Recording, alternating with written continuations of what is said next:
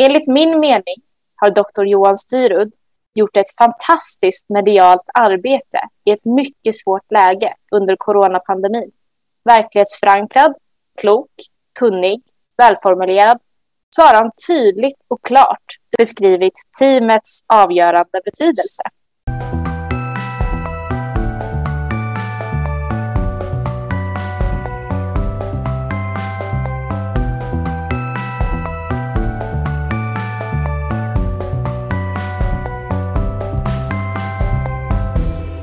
I dagens avsnitt av Medicinrättspodden gästas jag, Alva Jofred, av Johan Styrud. Han är överläkare på Danderyds sjukhus och ordförande i Stockholms läkarförening. Under de senaste åren så har Johan figurerat väldigt mycket i media. Han har uttalat sig om flera av vår tids stora frågor. Till exempel, kan vi kräva att vårdpersonal vaccinerar sig? Och det här med testning, kan vi kräva att vårdpersonal testar sig för att få jobba? Juridiskt så har var och en rätt att skyddas mot att utsättas för påtvingade kroppsliga ingrepp. Dessutom får man ha sina åsikter precis som man vill. Och man ska inte diskrimineras för att man har någon viss eh, funktionsnedsättning eller någon viss religionsuppfattning. Allt det här är mänskliga rättigheter och de finns i både Europakonventionen och i vår grundlag. Men det är inte alltid så lätt. Patienter har självklart ett intresse av att inte smittas när de besöker vården. Och även vårdpersonal vill ju inte riskera att smittas av sina kollegor. Det är väldigt svåra avvägningar som måste göras, komplexa problem som måste lösas. Varmt välkommen till podden, Johan. Tack så mycket. Då är ju min kollega Linnea tyvärr sjuk och av olika skäl så behöver vi spela in digitalt. Så att till er lyssnare ber jag om ursäkt på förhand för ljudkvaliteten. Men det är ganska talande för dessa tider, det här med sjukfrånvaro och eh, digitala möten. Och det känns lite trist såklart, men det känns i alla fall jättekul att äntligen få chansen att prata med dig. Under pandemin så har hälso och sjukvården hårdbevakats av media. Och du Johan, du är nog en av de sakkunniga som har syns och hörts mest. Hur eh, kommer det sig att du har ställt upp på så många intervjuer? det är en mycket bra fråga. Ehm, jag brukar alltid ha med mig min iPhone i vilken ficka jag än är på sjukhuset och svarar på princip alla samtal. Och det har gjort att jag blivit väldigt gripbar från journalister och från media. Och sen har jag försökt att svara på det jag kan svara på och eh, varit tillgänglig för saker. Sen är det lätt att jag bor i Stockholm. Det är lätt att ta, ta, ta bil, att komma till, till tv eller radio. Så det är en fördel att vara i Stockholm. Men jag tycker det är viktigt att vi försöker från kåren att komma ut med saker för att diskutera vad som är rimligt och vad som inte är rimligt. Och på tal om att det är lätt att ta sig med bil till saker. Jag läste en intervju med dig i Läkartidningen och där berättade du att du hade blivit hämtad med taxi 27 gånger under en väldigt det... kort period. Ja, men det var länge sedan. Ja, det var länge sedan. Det var länge sedan. Den siffran tror jag nu är 85 gånger jag åkt. Oj, oj, oj. Ja. Så då är det bra många fler intervjuer också än taxiresor. Absolut. Men det är de gånger jag varit med i studion på radio eller tv. Eh, oftast så blir ju många reportage i radio och tv mycket bättre om man är på, på, på plats. Man får dels förprata väldigt mycket med journalister, men sen så det blir en annan dynamik i samtalet om man är på, på plats. Jag har varit med ganska många gånger även digitalt och det blir inte samma genomslag. Nej, det, det blir det inte. Jag håller helt med dig. Men om det inte går så är det såklart bättre än ingenting. Men om vi pratar lite om de här intervjuerna då. Vad är de vanligaste frågorna du får? Ja, det är väldigt många frågor om hur kommer det se ut om två eller fyra veckor? Och eh, väldigt många frågor är just, jag försöker undvika att diskutera när folk vill prata om sitt eget fall. För att en är ju ingen statistisk säkerhet. Har man hundra personer på samma sätt, ja då kan man ju prata om statistiken på olika saker. Men eh, det försöker jag undvika. Sen är ju den här svåra frågan som vi började med. folk som inte vill vaccinera sig. Och den diskussionen försöker jag undvika att gå in i. Mm, mm. Jag förstår det. Det är en jättesvår fråga och det är också svårt att sia in i framtiden. För att inte säga omöjligt. Men okej, okay, om man tänker att de här frågorna tycker du inte är så bra om att få. Har du någon eh, favoritfråga som den här tycker du om att besvara? Jag tycker om att eh, diskutera vinsten av att vaccinera sig. Det finns ju många argument som folk hittar varför man inte ska vaccinera sig. Och då är det viktigt att man lyfter fram argument för vaccination, dels för din egen skull och dels för samhällets skull. Vilka skulle du säga är de starkaste argumenten för sin egen och för samhällets skull? Äh, för din egen skull är ju att vaccinet skyddar inte mot att insjukna i covid-19, det ska man klart för sig. Men det skyddar mot, mot allvarlig sjukdom och det skyddar mot död. Och det är ganska ty tydligt äh, att det gör. Sen ur samhällets perspektiv så är man vaccinerad så är man smittsam, men under betydligt kortare tid och man är inte lika eh, smittsam. Sjukvården får inte samma tryck om alla skulle vara vaccinerade.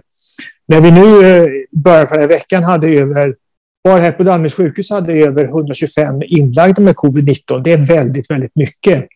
Eh, och man ser då att antingen är du äldre och eh, antikropparna har sjunkit eller man är yngre och de blir väldigt sjuka, de som inte är vaccinerade. Så att, det finns många argument för.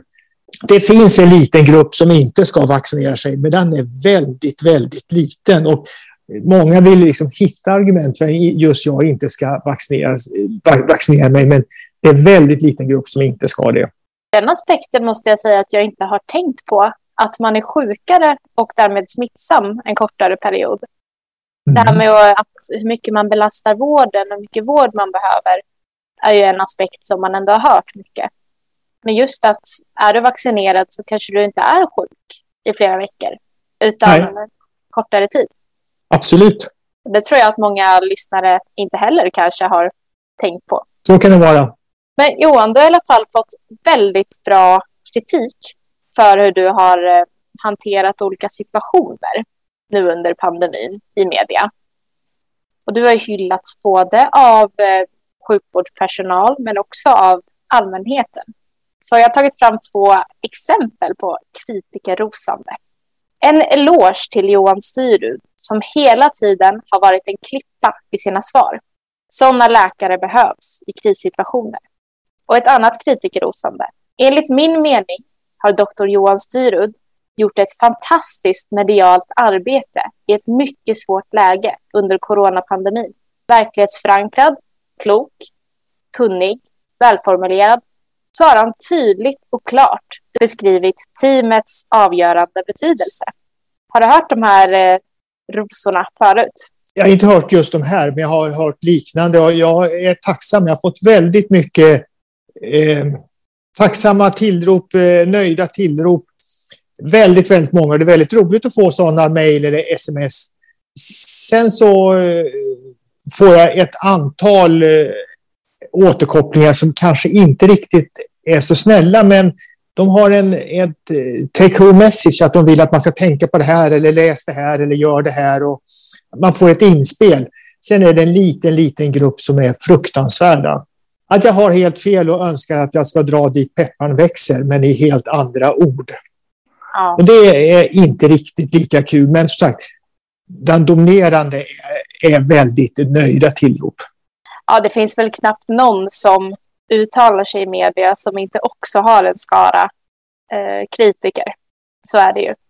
Men hur tror du att det kommer sig att eh, du har blivit så uppskattad?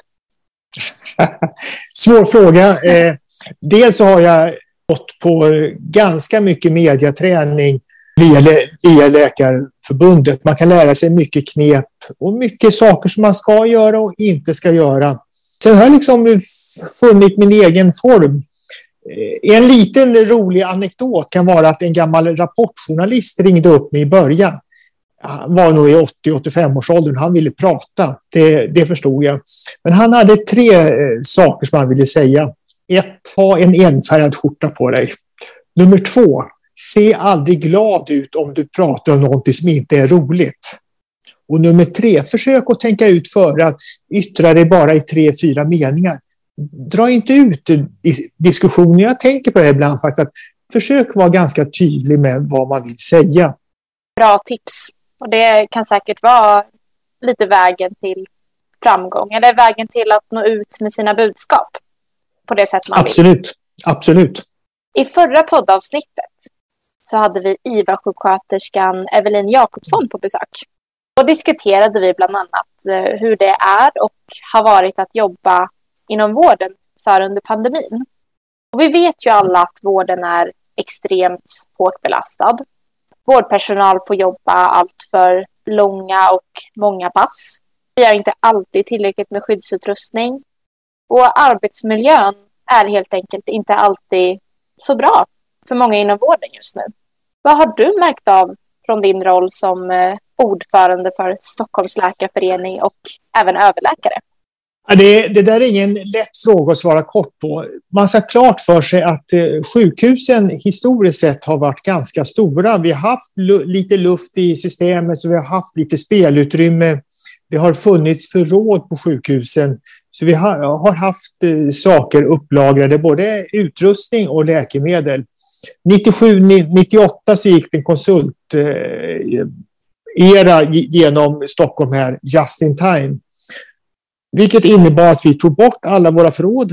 Danderyds sjukhus har förråd för kanske 36 timmar i vanliga fall eller någonting sånt. Så det är helt orimligt. Man har väldigt lite förråd av läkemedel. Detta sparar ju pengar och det sparar utrymme på sjukhusen. Det bygger på att transporter fungerar, man kan köpa in saker på en gång.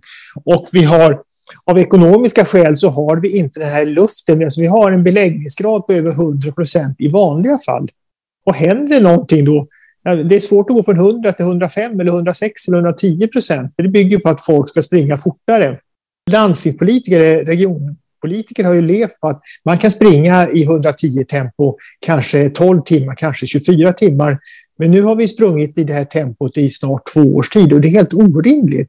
Vi måste ha en mer robust eh, vård. Eh, från yngsta eh, undersköterska till äldsta läkaren. Det måste vara lite mer spelutrymme och det måste finnas förråd på sjukhusen. Vi måste ha gott om narkosmedel, vi måste ha olika läkemedel om man ligger inne.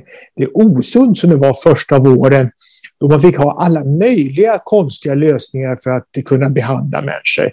Veterinärmedicinska eh, preparat används på vissa ställen. Det är samma ämne men helt olika förpackningar. Alltså, Sverige kan inte vara så fattigt att vi inte har råd med förråd. Det låter så märkligt just när du berättar om det så här. Det låter så enkelt. Att varför kan man inte bara fylla på förråden? Varför tillsätts inte de resurserna?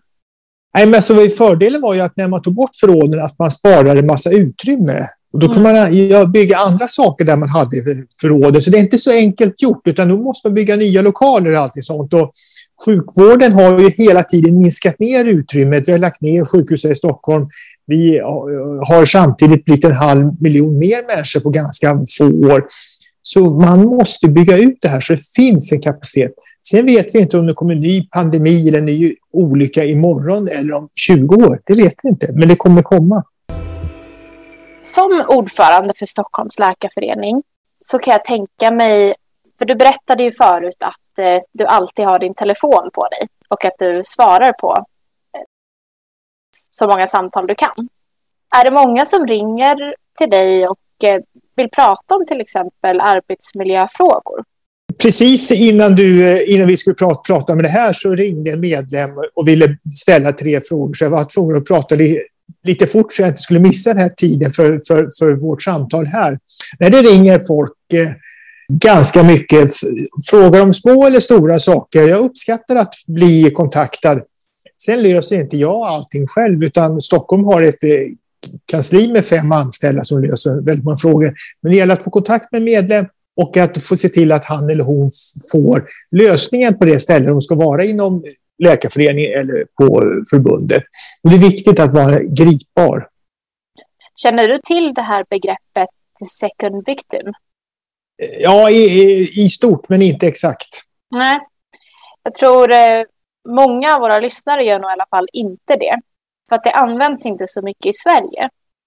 Men det syftar alltså på när en patient eh, skadas eller till och med avlider. Så i de situationerna så är det såklart värst för patient och anhöriga. Men det kan också vara otroligt tungt för inblandad vårdpersonal med psykiska men bland annat. Hur, eh, hur hanteras sådana fall? För att jag tänker att det måste ha varit ganska många sådana situationer, speciellt nu under covid-19-pandemin. Finns det något stöd för vårdpersonal som har upplevt psykiskt påfrestande saker på jobbet? Det är lite lustigt för vi, vi hade en våg av det här under första vågen, eh, folk som inte orkade med och då var vi hemskt för då fanns det inte nog mycket förråd, skyddsutrustning, läkemedel etc.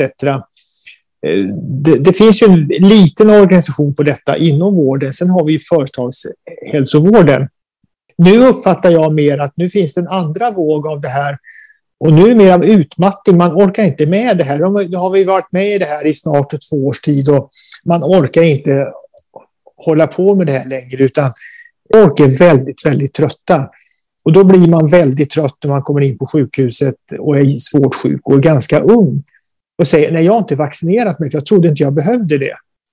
Den, den sagan har vi hört allt för många gånger. På tal om arbetsmiljö så har vi det här med vaccinationer som vi pratade om innan så vet vi att vaccination skyddar mot svår sjukdom. Och det kan också göra att man är smittsam under en kortare period och även att man då minskar risken för att bli inlagd på sjukhus och därmed från ett samhälleligt perspektiv belasta vården. Hur eh, har ni hanterat vårdpersonal som av olika skäl inte vill vaccinera sig? Arbetsgivaren har inte rätt om eh, covid-19 att gå runt och fråga om du är vaccinerad. Det ska man ha klart för sig. Man kan uppmana att alla ska vaccinera sig.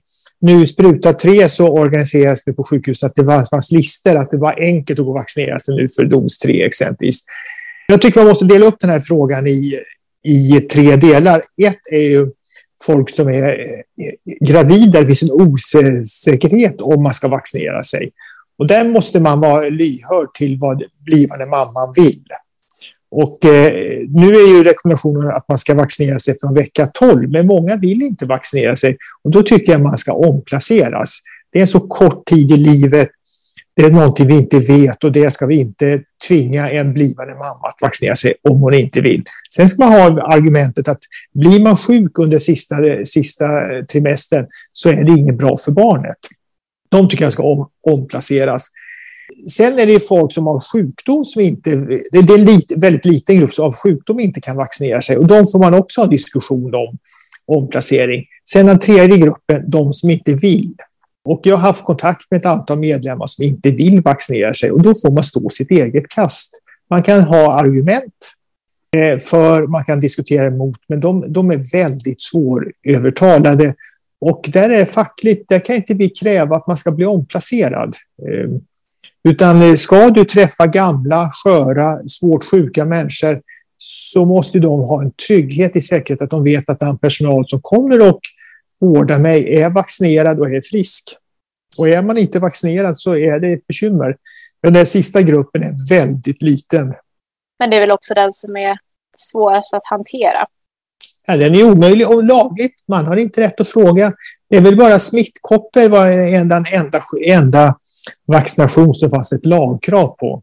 Man har aldrig tvingat någon att vaccinera sig. Men när jag började läkarutbildningen för eh, väldigt länge sedan, då var det krav. Man var ju tvungen att visa upp bevis på att man var eh, TBC-vaccinerad. Man fick inte börja på sjukhusen. Det här är 35 år sedan. Att man fick inte börja då, eller 40 år sedan. Man fick inte börja på, på sjukhuset utan att vara eh, TBC-vaccinerad. Det togs bort. Jag har visat upp det beviset när jag började på Danderyds sjukhus för 30 år sedan, jag för mig. Förekom. Det var en annan realitet. TBC fanns ju ganska länge fram i samhället och det var ju, var ju en farlig sjukdom fast det fanns an, antibiotika. Nu börjar det stiga igen, men det är ju en behandlingsbar sjukdom. Men den här gruppen då som inte vill vaccinera sig, är det också en del av dem som kanske inte heller vill testa sig alls? Det kan ju också vara svårt att hantera. Har ni märkt av Alltså, något kring det? finns, alltså arbetsgivaren har inte rätt att fråga och vi uppmanar dem, jag har varit i kontakt jag, med tre medlemmar som inte vaccinerar sig, att du har rätt att säga ja eller nej till det du vill säga. Man kan aldrig tvinga dig. Man kan, man kan, vi kan både från facklig och från arbetsgivarsidan kan uppmana dig att det är bra om du vaccinerar dig, men det finns inget, det finns inget, finns inget tvång i eh, samhället. Och man är som sagt man är inte tvungen att svara på frågan eh, om det här. Och vad, vad, hur de har löst med sin arbetsplats, det vet jag inte. Mm. Nu finns det ju en möjlighet att många som jobbar i en verksamhet som man kan bara vara digital, som man träffas på det här sättet bara. Och då sp- sprider man inte sjukdomen vidare på eh, samma sätt. Men ja, det är ett bekymmer. Nej, det ska väl mycket till om det ska spridas digitalt. Måste Ja, det absolut. muteras väldigt många gånger. Men av ren nyfikenhet bara, om vi spinner vidare lite. Om man då sjukdomsskäl inte kan vaccinera sig, hur funkar det? Räcker det med att man säger det? Eller behövs det ofta läkarintyg? Alltså, de få fallen där man inte kan, det är, man ska klart för sig att det är en liten grupp. Mm. Och då vet arbetsgivaren om att jag har den här allvarliga systemsjukdomen eller jag går på cancerbehandling. Någonting. Då vet man oftast om det här och det har inte varit någon diskussion. Arbetsgivaren har varit väldigt eh, tillmötesgående för denna lilla grupp. Då är det faktiskt dags för att ta några personliga frågor som jag vill ställa till dig. Du är läkare. Du är också fackligt aktiv. Men vem är du som person? Ja, det är en omöjlig fråga. Jag tycker om att läsa mycket. Jag tycker om att röra på mig och tycker om att vara ute. Vi har ett hus ute på Ljusterö som jag tycker om att vara vid. Kanske inte just den här tiden på året, men höst, eh, vår och sommar är fantastiskt ute i Stockholms skärgård. Känner du att du har haft tid för det under de senaste åren? Absolut. Det är fördelen med, med Ljusterö är just att det är, det är bilfärja in. Det går fort att komma dit och fort att komma hem och det är lätt att ringa därifrån också. Så att, eh, det, eh, försök att hålla, hålla, att ha tid med det också. Och en annan fråga. Vad eh, tror du att du hade jobbat med om du inte hade varit läkare? Det är svårt att svara på. Jag är intresserad av naturvetenskapliga ämnen och eh, jag tror att jag hade blivit eh, ingenjör av något slag. Mm. Men hur visste du att du ville bli läkare? Ja, alltså det, det, det var intressant på, på slutet på gymnasiet och eh, det var ett alternativ och det verkar roligt att komma till Uppsala så att det var många saker som spelade in där. Och du har inte ångrat ditt yrkesval? Absolut inte. Nej. Men utan att då sluta som läkare, om du skulle få ta ledigt i ett halvår, vad skulle du göra då? Jag skulle resa mycket. Nu får man ju inte resa just nu, men eh, när, när samhället öppnar upp så eh, tycker jag om att resa. Jag tycker om att läsa mycket och så jag tycker om att röra på mig och eh, vara ute i skog och mark. Jag skulle nog kunna få ett halvår att gå ganska fort. Vart skulle du vilja resa någonstans? Det finns så otroligt många mål i världen som är trevliga. Jag tycker om Frankrike. Jag tycker det är ett väldigt trevligt land. Väldigt god mat. Eh, Det finns allting från eh, skidåkning till Medelhavet. Det finns allting där. Så att, eh, det finns enormt många ställen i världen som jag skulle vilja se. Sen ska man inte resa för mycket för att det ger allt för stort avtryck på koldioxiden. Man måste tänka på barn och barnbarn också. Men jag håller med dig om att Frankrike är otroligt trevligt. Jag var faktiskt i eh, Aix-en-Provence för eh, två år sedan lite drygt, i ett halvår.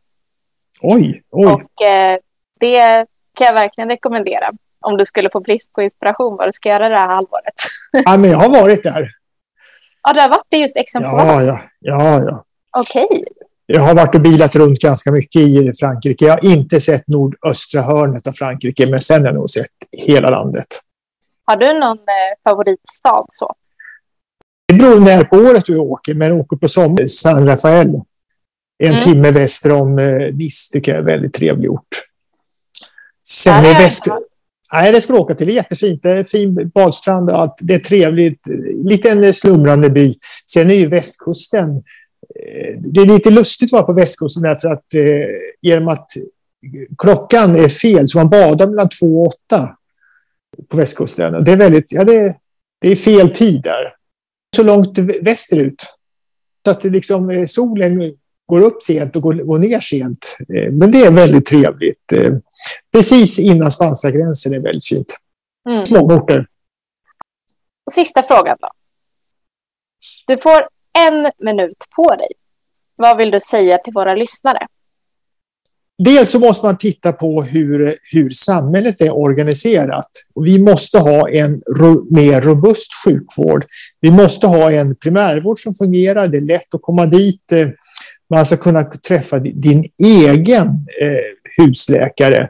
Och skulle du behöva söka på jourtid så ska din vårdcentral var kopplad till en jourläkarcentral. Och har du tur så träffar du din vanliga vanliga husläkare. Det ska gärna finnas digitala lösningar men båda personer bakom på varsin sida av datorn ska veta vem man pratar med. Det ska inte vara en okänd person i någon digital lösning. Så man har en kontinuitet så man pratar med samma person. Sen måste man planera sjukvården för att det händer någonting. Man måste veta att det kan hända saker. Sen om det är en pandemi eller om det är en krigssituation, det kan man inte veta. Jämför Finland som har lagt på motsvarande 10 öre på bensinen. De pengarna går, går till att eh, bygga upp förråd. Finland har haft goda mängder av sjukvårdsmateriel, av läkemedel etc.